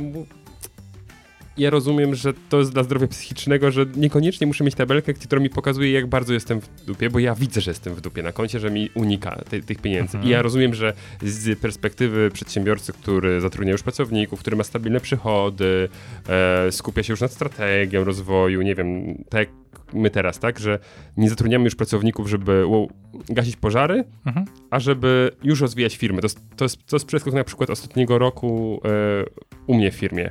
To, to jest zupełnie co innego niż właśnie ten etap, gdzie ja myślę, że celowo się nie robi niektórych rzeczy, bo po prostu, wiesz, no gdy masz parę zleceń w miesiącu, parę na parę miesięcy, no to umówmy się, A ty mówisz o program- przychodach cały czas, a ja mówię bardziej sk- skupiając się na kosztach. Czyli e, ten Excel jednak, znaczy ja się z tym nie zgodzę, Michał, nie? Czyli, e, bo jeżeli inwestujemy w firmę, inwestujemy swój czas, tak samo jakbyśmy kupowali jakieś udziały w jakichś firmach konkretnych, tak? Kupiłem, nie wiem, 10 udziałów tu, 10 udziałów tu, 100 tu i tak dalej, czy akcji. E, I jeżeli patrzę ogól, patrząc na, na wszystkie akcje, okej, super, jestem na plus 3%. Ale, Ale- ra- raczej nikt tak nie patrzy. Każdy będzie patrzył, które udziały, które akcje mu przynoszą Ale Mateusz, przychody, a ja, które nie. ja, ja nie mówię, że tak się nie powinno robić, ale ja rozumiem, dlaczego tak się nie robi. Bo w momencie, gdy ty jesteś na, nawet z Excela by ci wyszło, że jesteś na plus 3%, Mhm. to no to jest etap, na którym ty nie myślisz, ej, policzmy to dokładnie, tylko myślisz, matko, potrzebuję zwiększyć przychody, potrzebuję dotrzeć do większej ilości klientów, bo mam czas, który czuję, że mogę jeszcze wykorzystać na obsługę. I ten początkujący przedsiębiorca bardzo skupia go na tym, żeby pozyskać tego klienta, a nie żeby spojrzeć wewnątrz swojej firmy. Wewnątrz swojej firmy mam wrażenie, że ta refleksja przychodzi troszkę później.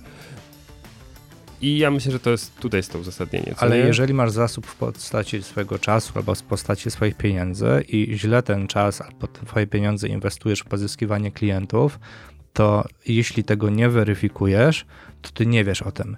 I może się okazać taka sytuacja w pewnym momencie, że zbyt dużo zaangażowałeś czasu w coś, co nie przynosi efektu. Albo robisz kilka rzeczy, a się okazuje, że tylko jedna rzecz przynosi efekt. I dwie rzeczy możesz w tym momencie wyłączyć ale z ja, działania. ale ja to całkowicie rozumiem. Tylko znowu to jest perspektywa przedsiębiorcy starszego. Nie. Z- Zaczynam swoją działalność. Uruchamiam sobie, nie wiem, bloga, robię live'y i jeszcze coś innego, bo tak wyczytałem, wyczytałem, albo tak jest teraz modne, więc to robię.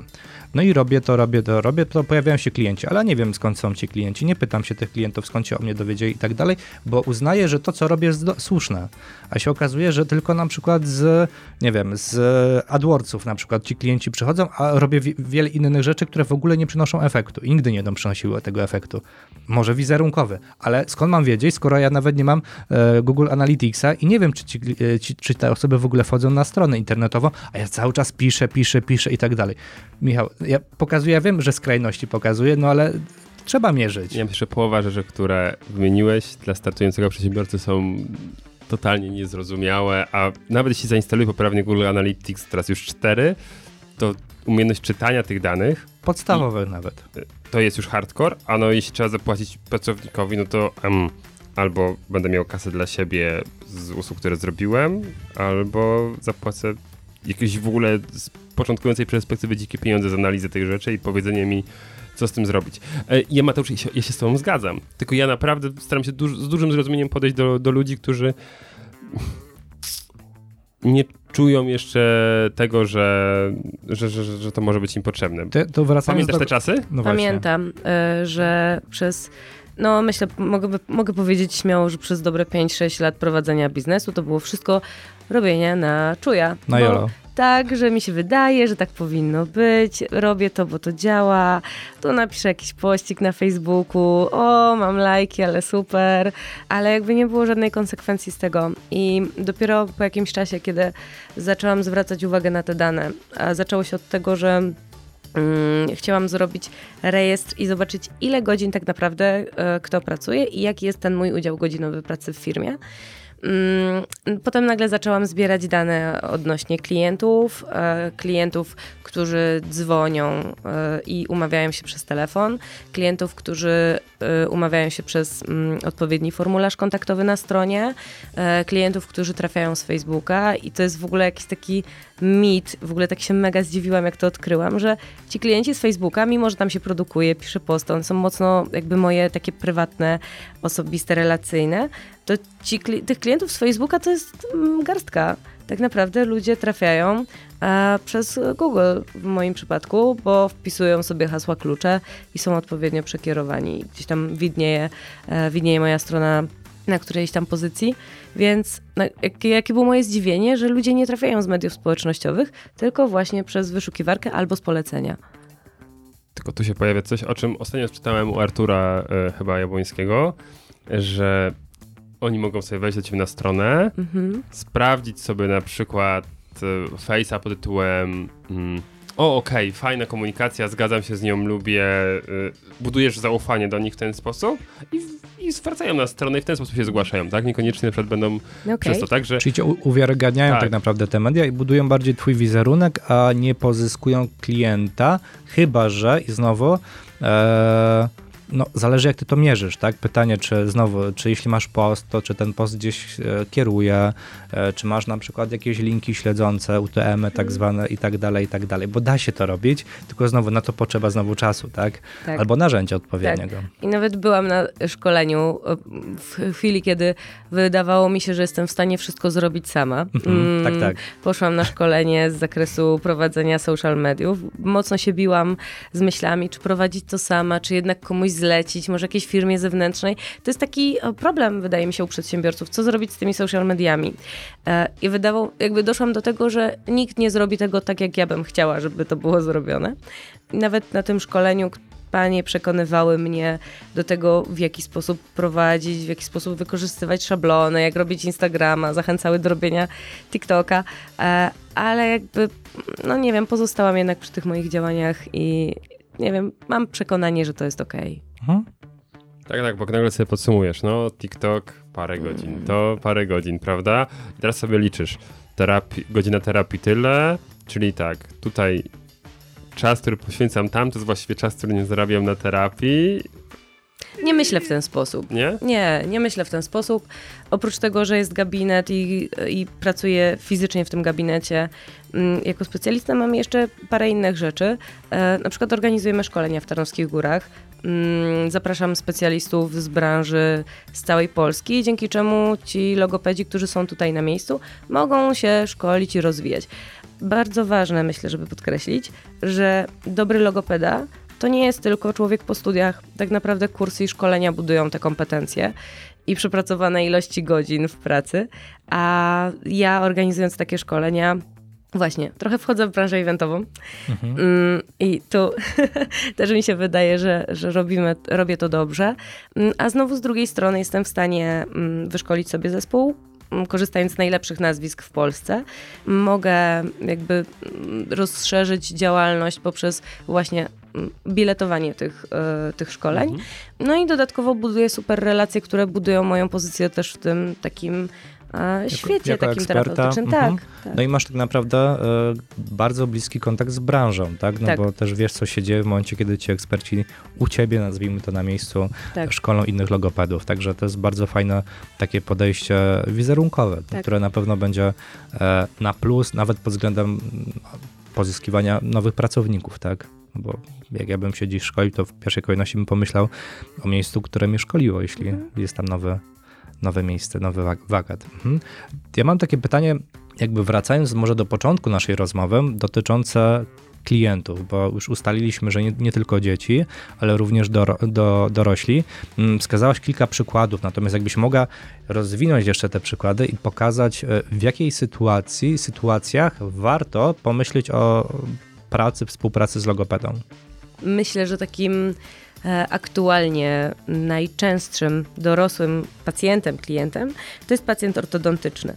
Wielokrotnie, mm, jeżeli idzie człowiek do ortodonty i chciałby skorygować swój zgryz, usłyszy w odpowiedzi: Nie założę ci aparatu, dopóki nie nauczysz się prawidłowo oddychać, albo prawidłowo połykać, albo dopóki nie zlikwidujesz wady wymowy, która wpływa na to, w jaki sposób kształtuje się twój zgryz. I mm, tutaj mega ukłon w stronę ortodontów, którzy też poszerzają swoje kompetencje i wchodzą w współpracę z logopedami. To się zmienia. W, myślę, że ostatnie 2-3 lata to jest taki duży rozwój mm, tej współpracy. I, I to jest jedna rzecz. Druga rzecz to są mm, dorośli, którzy przychodzą typowo pod właśnie emisję głosu. Chcą się nauczyć lepiej oddychać, lepiej zarządzać swoim głosem, lepiej kierować go, lepiej spowodować, że nie wiem, będzie bardziej, bardziej donośny, albo mm, bardziej seksowny, albo jeszcze inaczej tak modulować, żeby osiągać swoje, swoje cele, to też, to też może to zrobić u logopedy. No i mm, myślę, te wady wymowy, które były w tym okresie dzieciństwa, mm, nie zostały wyprowadzone i później, kiedy one przeszkadzają już w tym takim codziennym funkcjonowaniu, dobrze się współpracuje z dorosłym, który jest świadomy i jest nastawiony na cel. Mhm.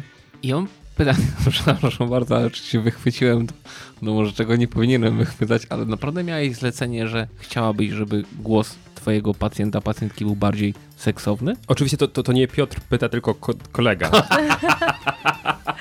Mm, to dla kole kolega nie, nie bezpośrednio. Nie bezpośrednio, to nie było celem. Mhm. Natomiast jesteśmy w stanie to wypracować w trakcie, e, w trakcie ćwiczenia jako dodatkowa korzyść. To był efekt uboczny.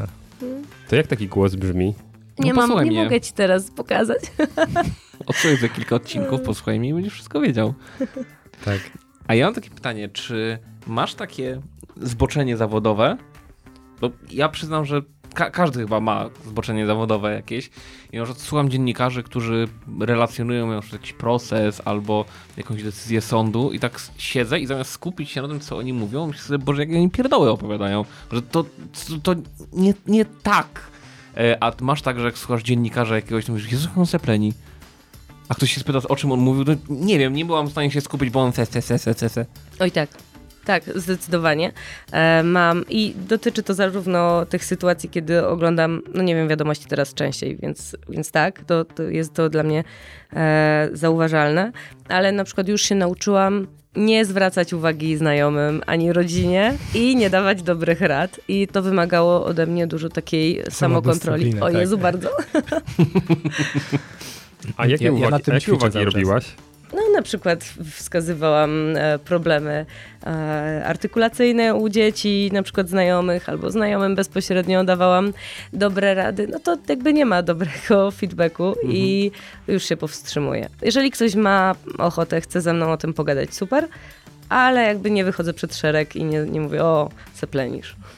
Yy, a masz jakichś takich swoich faworytów, na przykład wśród piosenkarzy? Którzy seplenią? Nie, którzy właśnie mają idealną wymowę. Jesteś w stanie kogoś takiego wskazać? Bo ja na przykład, oczywiście nie znając się na logopedii, mam dwa takie typy, jeden polski, drugi zagraniczny, gdzie uważam, że yy, muzycznie słuchając ich, no, no, no, no, mało kto ma tak wyraźną, piękną wymowę. Pierwszy to jest, może najpierw ja, yy, Marek Grechuta w Polsce, mhm. a i Frank Sinatra w Stanach. Nie, po prostu wow. Yy, wszyscy inni, a oni pięknie to, artykułowali każde słowo. To zanim odpowiesz na to pytanie, pytanie, czy mm, branża muzyczna Olka, czyli naszego gościa z, poprzedniego. Ze, poprzedniego ze 101 odcinka, czyli hip-hop, między innymi rap, to, to, to nie jest też ta branża. Oczywiście nie wszyscy, ale tam bardzo szybko, typu Eminem na przykład. Jednak trzeba wypowiadać różnego rodzaju słowa, e, żeby zrozumieć i oczywiście są tacy i tacy piosenkarzy czy raperzy, no ale chyba powinno to być, no właśnie, w tym kierunku. Mm, mam wśród znajomych przedsiębiorców osoby, które poszukując jakby tej drogi poprawy swojej dykcji czy artykulacji, w pierwszej kolejności zwróciły się do aktorów, e, czy do osób, które kształtują aktorów, mhm. e, czy piosenkarzy. I to jakby to nie, jest, to nie jest zły wybór, to też jest jakaś ścieżka, tylko pracujemy trochę inaczej. Używamy mhm. innych metod, używamy innych technik. Mm, myślę, że każdy wybiera jakby takiego mm, terapeutę, który mu najbardziej odpowiada. To jest jedna rzecz. A jeżeli chodzi o takie brzmienie głosu, to może nie, nie akurat piosenkarz, ale na przykład Krystyna Czubówna ma taki głos e, i taką dykcję, że wow. Czytała. Mhm. Krystyna Czubówna. Inne pytanie teraz troszeczkę, bo tutaj Piotr mówi o artystach, e, osobach ze świata. I na ile tego typu rzeczy, o których mówimy, tak? Ta, ten, ten nasz głos jest do wyćwiczenia, a na ile jest to coś, co mamy wrodzone, tak? Że twój aparat mowy, no choćbyś poświęcił ogrom czasu, to i tak, i tak no, są pewne rzeczy, których nie przeskoczysz, bo nie wiem, masz jakieś wady fizyczne, z- snapy najpierw się skupmy na wadach fizycznych, co nie? I da się naprawić je zazwyczaj, czy to jest... Myślę, że niektóre się da. Da się podciąć krótkie wędzidło języka, które może ograniczać ruchy artykulacyjne. E, myślę, że można zoperować krzywą przegrodę nosową, która może wpływać na przykład na, na nosowanie, czyli to, że ten dźwięk jest, e, brzmi tak, jak, e, jak, jak, no, jakbyś mówił przez nos. Myślę, że można poprawić, ale to już technicznie, typowo, problemy związane z oddechem, które gdzieś tam się przejawiają, na przykład chrapaniem, czy spaniem z otwartymi ustami, nie wiem, może macie takie doświadczenia. E, Jakieś polipy. tak, to są takie rzeczy, których ja nie zrobię. To już musi zrobić lekarz specjalista. Mm, Ale ty potrafisz wskazać, że Tak. powinieneś tam iść, prawda? Tak, potrafię powiedzieć. Czyli jesteś sygnalistą. Tak, myślę, diagnostą. Diagnostą. Mm, I bardziej w tą stronę. Mm, Mogę odesłać do ortodonty wtedy, kiedy widzę, że zgryz może przeszkadzać e, w jakichś czynnościach. Ale całą resztę taką związaną właśnie z tym, czy twój głos jest mocny, czy potrafisz mówić ciszej, czy głośniej, właśnie w taki sposób, żeby nie obciążać strun głosowych, mogę wspomóc oddechem, mogę wspomóc z tym, żeby, o właśnie, jakieś zacięcia, jąkanie, żeby wyprowadzić do większej płynności. Tak, to jestem w stanie zrobić. Okej. No to teraz to były te rzeczy takie bardziej fizyczne, a teraz chciałem się skupić bardziej na tych e, psychicznych. Tu nawet nie chodzi mi o to, że e, to są jakieś problemy natury psychologicznej, tak? Że ktoś, nie wiem, jest może jakieś tam emocjonalnie... Introwertykiem Ta-. Właśnie nie, starałem się te, te, te, te, nie iść w tym kierunku. Dokonał skrótu myślowego, ale przepraszam, taki bardziej stłamszony, tak by powiedzmy, i przez to też chowa głos. To nie, nawet nie to mi chodzi. Bardziej mi chodzi o to, że ym, nauczyliśmy się na przykład w zły sposób mówić, bo mieliśmy złe wzorce. No czyli te, te odruchy mamy złe. No i na ile to się da poprawić e, w pracy? I czy to jest łatwiejsze do poprawy niż podcięcie wędzidełka? Czy to jest właśnie ta praca, że ojejku, pół roku będziemy ćwiczyć, że jednak te mówimy inaczej i masz dotknąć językiem tu, a nie tam. To wszystko zależy od tego, z czym, e, z czym mamy problem. Taki e, najbardziej spektakularny e, przypadek, sytuacja, kiedy przyszła bardzo taka zahukana, nie wiem czy zahukana to jest dobre słowo, taka zamknięta w sobie kobieta.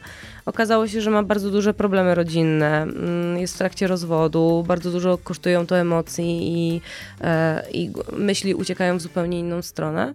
No ale w momencie, kiedy zaczęłyśmy pracować nad tym, w jaki sposób ona może kontrolować swój sposób mówienia, mm, zaczęłyśmy rozluźniać ciało, pracować nad oddechem, nagle jakby w, w toku była sprawa rozwodowa, więc ona jakby zakończenie pewnego etapu w jej życiu też dodało jej wiatru w, Mhm. skrzydła, tak się mówi? Wiatru w skrzydła. I jakby tutaj widziałam to, jak ona rozkwita. Więc to, to można... I tutaj, jeżeli jest współpraca, czy na przykład psychologa, e, czy psychoterapeuty na przykład równocześnie i logopedy, to wtedy też jest ta, ten efekt lepiej, lepiej widoczny. Czyli zawsze powinniśmy to jednak gdzieś tam w- Tak, spójnie tak. na, na rzeczy poglądać. Też nie chcę mówić, że o, jestem cudotwórcą i robię wszystko, co jest niemożliwe, bo tak nie jest. Ale jeżeli mogę wspomóc i wskazać właściwą drogę, mm, która pomoże szybciej się pozbyć problemu, to jak najbardziej. Jasne. Czy osoby, które korzystają z um, Twoich, Waszych usług, powinny być osobami w jakiś sposób zdeterminowanymi, które, e, no właśnie, nie mają tego słomianego zapału, że a spotykam się raz, no ale jak dostaję jakieś ćwicz- ćwiczenia, no to już niekoniecznie, później znowu się spotykam i tak dalej. To też sygnalizujecie na samym początku? Mm, tak, tak. Musi być motywacja taka wewnętrzna, chęć zmiany. Teraz aktualnie współpracuję z 16-latkiem, który przez całe życie nie potrafił powiedzieć ry. Mm, przyszedł do gabinetu, trochę ustawiłam, pogadałam z nim, zapytałam, w czym mu to przeszkadza. Powiedział bezpośrednio, że śmieją się z niego koledzy w szkole, że to jest to dla niego męczące. Więc e, tak potrafiłam pokierować jego procesem myślowym, żeby sam siebie zmotywował, wyszedł z gabinetu, mówił tory. Więc jakby mm, chodzi o to, że potrafimy też wydobyć z tego człowieka potencjał, pokazać, że on potrafi. To, to nie chodzi o to, że on to ry mówił w każdym momencie w swojej wypowiedzi, ale był w stanie wywołać dźwięk, którego nie potrafił wywołać u siebie przez wcześniejsze lata życia. To jest super. Mm, Też miałem takiego kolegę. E, Mam. E, Nie wiem, czy, czy jakby udało mu się tą wadę już e, nie wiem jak to nazwać, Skorygować. skorygować właśnie. Nie, Piotr sobie naprawdę dobrze radzi. Mm, Akurat nie mówię o Piotrze, o i- innym koledze z, z podstawówki, z, z przedszkola, bo długo się gdzieś tam znaliśmy, więc trzymam kciuki. Mam nadzieję, że jest ju- już wszystko ok. Bo faktycznie e, to, to, co mówisz, że problem jest później z rówieśnikami, tak? I e, mm, dla mnie to też było troszeczkę dziwne, że e, rodzice w tym przypadku nie reagują i nie są świadomi tego, że mm, na przykład taka wada wymowy później wpływa też w sposób e, być może do wartościowania tej drugiej osoby pewności i, i ta drobna zmiana z jednej strony wpływa, może wpłynąć negatywnie w ogóle na dalsze życie. Tak, tak, tak może być. Tutaj jest ten czynnik społeczny. Mm, Zresztą kiedyś spotkałam się z informacją, czy z, taką, z takim spostrzeżeniem, że dzieci są wobec siebie bardzo okrutne. I mm, tak jak my dorośli jesteśmy w stanie powiedzieć, o, tego nie wypada, tego nie zrobię, tego nie powiem, bo komuś zrobi się przykro, dzieci nie mają takich... Są bezpośrednie. Tak, bardzo bezpośrednie i jakby zauważają to, co, to, co słyszą, to, co widzą. No, jakie później są konsekwencje, nie? Co, co później osoba, która usłyszała, o masz wadę wymowy, albo haha, nie mówisz ry, to co ona potem sobie myśli o sobie. Mhm. No, A obserwujesz e, przez te 7 lat lub dłużej, bo na pewno, e, czy być może jesteś dłużej w branży, że ta świadomość rodzica się zwiększa pod tym względem? Tak, zdecydowanie. Przede wszystkim, e, i tu to jest taka moja radość, że tak jak istnieją bilanse dwu, trzylatka, cztero, pięcio, sześciolatka u pediatry i tak samo jak mm, są takie bilanse u, u stomatologa, przyjdź, zobaczymy, czy na mleczakach nie ma próchnicy na przykład, żeby po prostu skontrolować. Jest też coraz większa świadomość takiej, mm, takiego rozwoju logopedycznego dziecka i rodzice często przychodzą nawet z dwulatkiem, mm, chcą zapytać, czy wszystko jest ok, czy, czy wszystko w porządku, czy nawet jeżeli nie mówi, to czy jego rozmowa ma możliwości tego rozwoju w takim naturalnym trybie. Mm, Oni od razu dostają informację, jeżeli coś jest nie w porządku, co mnie niepokoi, co oni mogą robić w domu. Mm, Ja nie mówię, że jest potrzebna terapia, ale mówię, hej, może będziecie się bawić w ten sposób. Daję im propozycje, daję możliwości rozwiązania i i najczęściej później dostaję informację, że jest ok, przyjdziemy, jak znowu będzie jakiś problem. I, I to jest super, że ta świadomość rodziców nawet po to, żeby przyjść i się upewnić, że wszystko jest ok na ten moment rozwojowy. To jest super. Czy powinniśmy sobie usuwać ósemki? Ojej, ale to chyba nie jest do mnie pytanie. E, Ale to ja, wytłumaczę się dlaczego. ja sama nie mam czterech. No właśnie, nie masz, Nie mam. e, ale nie masz, bo nie wyrosły, czy nie masz dlatego, że usuwałaś? Usunęłam. No właśnie, bo ja mam znajomą logopedę i właśnie usuwała sobie ósemki i zastanawiam się, e, czy jeśli chcemy mówić poprawnie, to tak, ja, ja wiem, że to może być poparte badaniami, ale to wychodzi, że przeszkadzają nam te ósemki, czy, czy to zależy? To jest chyba pytanie bardziej do stomatologa, Do stomatologa. i z tego, co jakby jak rozmawiam z takimi stomatologami, z którymi współpracuję, czy z ortodontami, mm, oni zwracają uwagę na to, że te ostatnie zęby niestety, ale bardzo szybko się psują. Mhm. Albo są tak ułożone, że wychodząc, mm, jakby pchają te kolejne zęby, powodują skrzywienia i I problemy. potem wady. Tak, więc myślę, że to bardziej. mm, Nie, nie chcę ani zachęcać do, do wyrywania ósemek, ani zniechęcać do tego. Po prostu każdy powinien popatrzeć na siebie indywidualnie. Jasne. Nie, zadałem pytanie dlatego, że mi się zawsze kojarzyło, że te, właśnie, że te ósemki często powodują te błędy i mam wrażenie, że dla wielu osób z, z moich kontaktów to gdzieś tam było wskazanie, że e, chyba trzeba. Ale właśnie, jak jesteśmy przy zębach, logopeda musi mieć idealne zęby. Nie ma, to znaczy, nie ma reguły. Znam świetne logopedki, które e, mają krzywy zgryz i nawet minimalną wadę wymowy, ale pracują w takiej branży, w takiej dziedzinie logopedii, gdzie ta perfekcyjna wymowa nie jest im potrzebna, bo na przykład pracują nad karmieniem niemowląt, albo pracują nad e, usprawnianiem komunikacji alternatywnej dla dzieci, których, które na przykład nie mówią wcale i nie będą mówiły. Więc jakby mm, dobrze jest mieć ładną wizytówkę i proste zęby i ładne, białe, śliczne, ale to nie tylko logopeda, ale chyba większość osób, która gdzieś się pokazuje publicznie i pracuje Jasne, z jasne. ludźmi. Ale prawdą jest taką, że na studiach zaglądają wam e, w, w, w paszczę, jak to się Prawda. mówi. I, Tak, to prawda. Są przesłuchania, mm, są kontrole, trzeba mieć potwierdzone badania, najczęściej jeszcze e, właśnie od innego logopedy, że, że osoba zgadza, czy może kandydować na te studia. Okej, no właśnie, to są, to, są, to są rzeczy, które właśnie zaskoczyły mnie, prawda? Że to były faktycznie takie dość e, zaskakujące dla mnie rzeczy z, z logopedią, ale jeszcze o jedną ch- rzecz chcę zapytać. Lepiej być hiperpoprawnym, czy mieć niedociągnięcia językowe? Co jest gorsze? Ojej. E, Ojej. Ojej. I to jest znowu pytanie chyba bardziej do językoznawców niż, niż do mnie. E, jeżeli mówię z własnej perspektywy, to... Tylko z własnej. Tylko z własnej. A taka nasza potoczna komunikacja pełna jest uproszczeń. Mówimy czy zamiast trzy, tak? Dworzec główny, a nie główny. Tak, mówimy jabłka, a nie jabłka, więc to są takie rzeczy, które są w tak zwanej normie językowej. Mówimy radca prawny, a nie adwokat, prawda? Na przykład. To tak, Piotr już nie reaguje nawet na te Mm, Nie ma sensu, bo to po, po, co, po co, to, po co? więc to są takie rzeczy, z którymi jakby, no, mm, logopeda nie walczy. A ta hiperpoprawność czasami się pojawia wtedy, kiedy ktoś bardzo długo pracuje nad jakąś głoską i wreszcie się ją uda e, uzyskać. E, nawet historia ze wczoraj. Przyszedł chłopczyk, który to rrr, to robił po prostu całym sobą i mama była przerażona, czy mu tak zostanie do końca życia. No, no nie, nie zostanie mu tak do końca życia, po prostu jesteśmy istotami, które nie lubią się męczyć. Długie rrr jest bardzo męczące, więc w pewnym momencie e, chłopiec znajdzie balans i jakby jego język, czy też energia, którą wkłada w realizację poszczególnych głosek, ona się unormuje i, i będzie okej. Ja mam jeszcze jedno pytanie odnośnie e, tego korka troszeczkę i nawiązujące, ale bardziej Chciałeś być korka. tak, do nawiązujące do Korka. korka do stereotypów. E, Stereotypów. stereotypów, mitów. Stereotypów. Tak jest.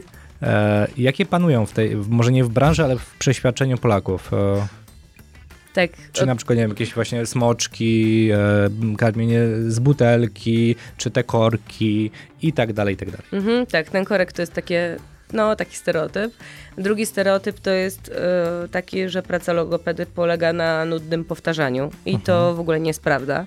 My się możemy świetnie bawić, dzieci e, nie chcą wychodzić z gabinetu, tak, tak, w takich są fajnych emocjach. Dorośli wychodzą z uśmiechem na ustach, bo czują, że, że, że robią sukcesy.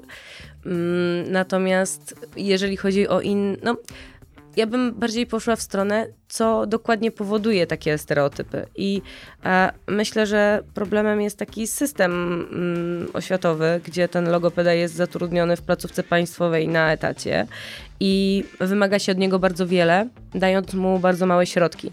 Bardzo małe środki na rozwój, bardzo małe środki, e, jeżeli chodzi o e, takie zaplecze, czy takie technologiczne nawet do wykorzystania.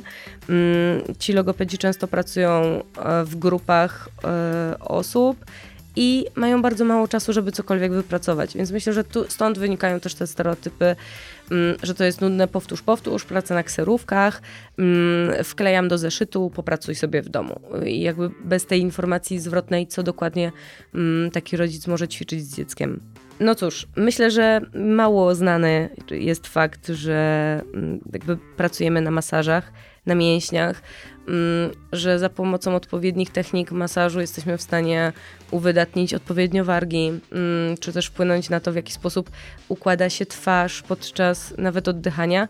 Stosujemy też różnego rodzaju, logopedzi to już ogólnie mówię, e, różnego rodzaju mm, formy nowoczesnych technologii, wykorzystujemy elektrostymulację w terapii, na przykład wspomagamy się programami multimedialnymi, stosujemy syntezatory, nawet mm, i widziałam też ostatnio na jednych z targów e, wykorzystanie metody biofeedback do tego, żeby na przykład kontrolować sposoby połykania. Więc jakby mm, to są takie branże, które mocno się rozwijają. E, są różne przekonania wśród rodziców. Smoczek zły, e, butelka nie taka. Często do matek kieruje się informacją, musisz karmić piersią. Mm, to mocno obciąża. Jeżeli dajemy konkretne wytyczne, musisz robić tak albo tak, tam nie ma marginesu popełnienia błędu, a jednak musimy patrzeć na żywy organizm i na sytuację rodziny w ogóle, czego kto potrzebuje. Mhm. Jeszcze tak patrząc na tą technologię, to o czym opowiadałaś, em, takie skojarzenie przynajmniej miałem. Pytanie, czy to jest poprawne, mm, że branża logopedyczna rozwija się tak szybko, jak e, branża e, beauty, nazwijmy to bardziej estetyki. e, i, mm, Tutaj chodzi mi na przykład o jakieś masaże kobido, jakieś właśnie elektrostymulacje pod względem poprawy e, jakości skóry, masaże mięśni, ale właśnie tutaj twarzy i tak dalej. Tak, pojawiają się już takie, takie też informacje, że, że to jest bardziej mm, działka znowu kosmetyczek, czy też rehabilitantów, którzy tu Mhm. pracują, ale pojawiają się pomysły, żeby to wprowadzać też do gabinetów logopedycznych. Właśnie mm, taping estetyczny, e, czy właśnie lifting bez skalpela, co możemy zrobić masażem, czy odpowiednim oddziaływaniem na mięśnie, żeby na przykład zlikwidować, czy zmniejszyć ilość zmarszczek. Ale nie ma na to jeszcze badań, więc ja jestem ostrożna w tym. Okej. Ciężko mi teraz coś powiedzieć taki sposób, żeby nie być negatywnie ocenianym, Słychać. więc staram się mówić bardzo powoli, Jak, wyraźnie. jak Irena. Moduluję mój głos. Iwona. Iwona, sorry, Iwona. Staram się modulować, staram się modulować mój głos i chciałem bardzo serdecznie podziękować Tobie za udział w dzisiejszym podcaście. Yy, Jak słyszycie, nie tylko z tego fragmentu, naszym gościem była. Karolina, to, to. Do? Dalej? Tak? Jeszcze? Karolina Spałek, logopeda. Logopeda. Yy, A przy okazji, yy, a przy okazji osoba, która wylistowała udział w naszym podcaście w Wośpowej, yy, w Wośpowej licytacji, za co jeszcze raz bardzo dziękujemy i dzięki Wośpowi za, za taką możliwość. To zanim dobijesz do brzegu, to gdzie cię mogą znaleźć? A, okej. E, Zapraszam na stronę internetową terapialogopedyczna śląsk.pl e, albo po prostu wpisując moje imię i nazwisko karolinaspalek.pl powinno przekierować. Super, podlinkujemy, żeby wszyscy mogli trafić Dziękuję. i nikt się nie pomylił. E, z drugiej strony, e, jak już jesteśmy przy ogłoszeniach duszpasterskich, to chciałbym powiedzieć o Patronite. W kilku słowach, e, który z panów?